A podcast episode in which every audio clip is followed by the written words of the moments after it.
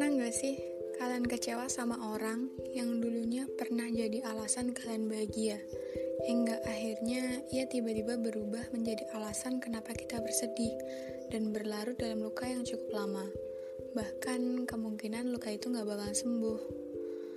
Well, aku paham kalau kebahagiaan itu emang gak seharusnya digantungkan ke orang lain. Karena orang lain masih punya kewajiban buat membangun kebahagiaan mereka sendiri.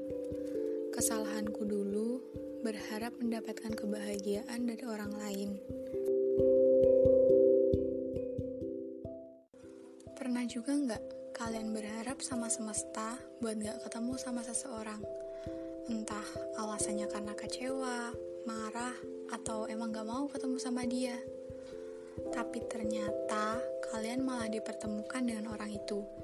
Seolah-olah semesta menginginkan pertemuan atas kalian berdua. Dulu saya pernah berharap pada semesta, berharap agar tidak dipertemukan oleh seseorang yang memang waktu itu cukup mengusik pikiran.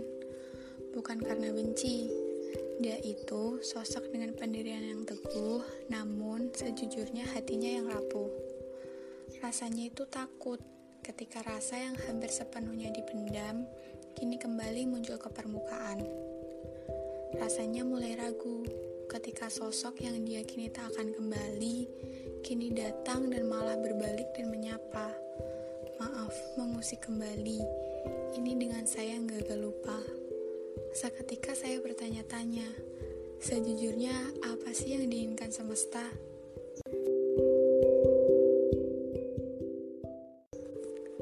Sejujurnya banyak hal yang pengen banget saya tanyain ke kamu Gimana hari kamu, pekerjaan kamu, masih suka senja atau enggak, masih menyukai sajak atau sudah tidak lagi, masih suka sesekali pergi ke burjo atau enggak, dan masih banyak lagi. Tapi ya gitu sih, cukup tahu diri aja.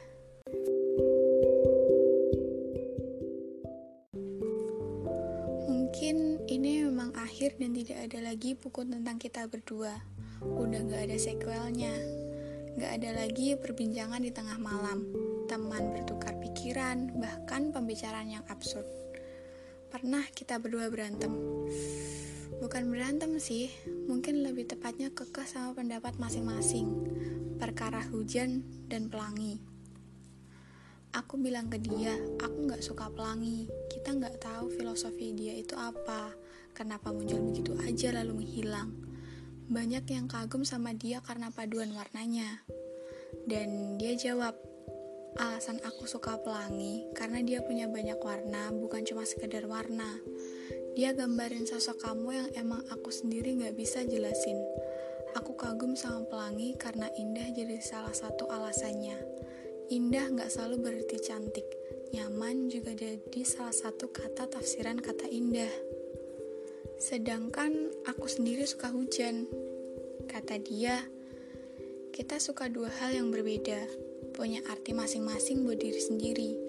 Kamu maunya hujan dan aku maunya pelangi.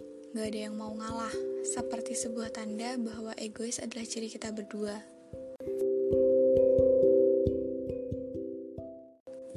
Karena aku gak bakal jadi aku, dan kamu gak bakal jadi kamu yang sekarang.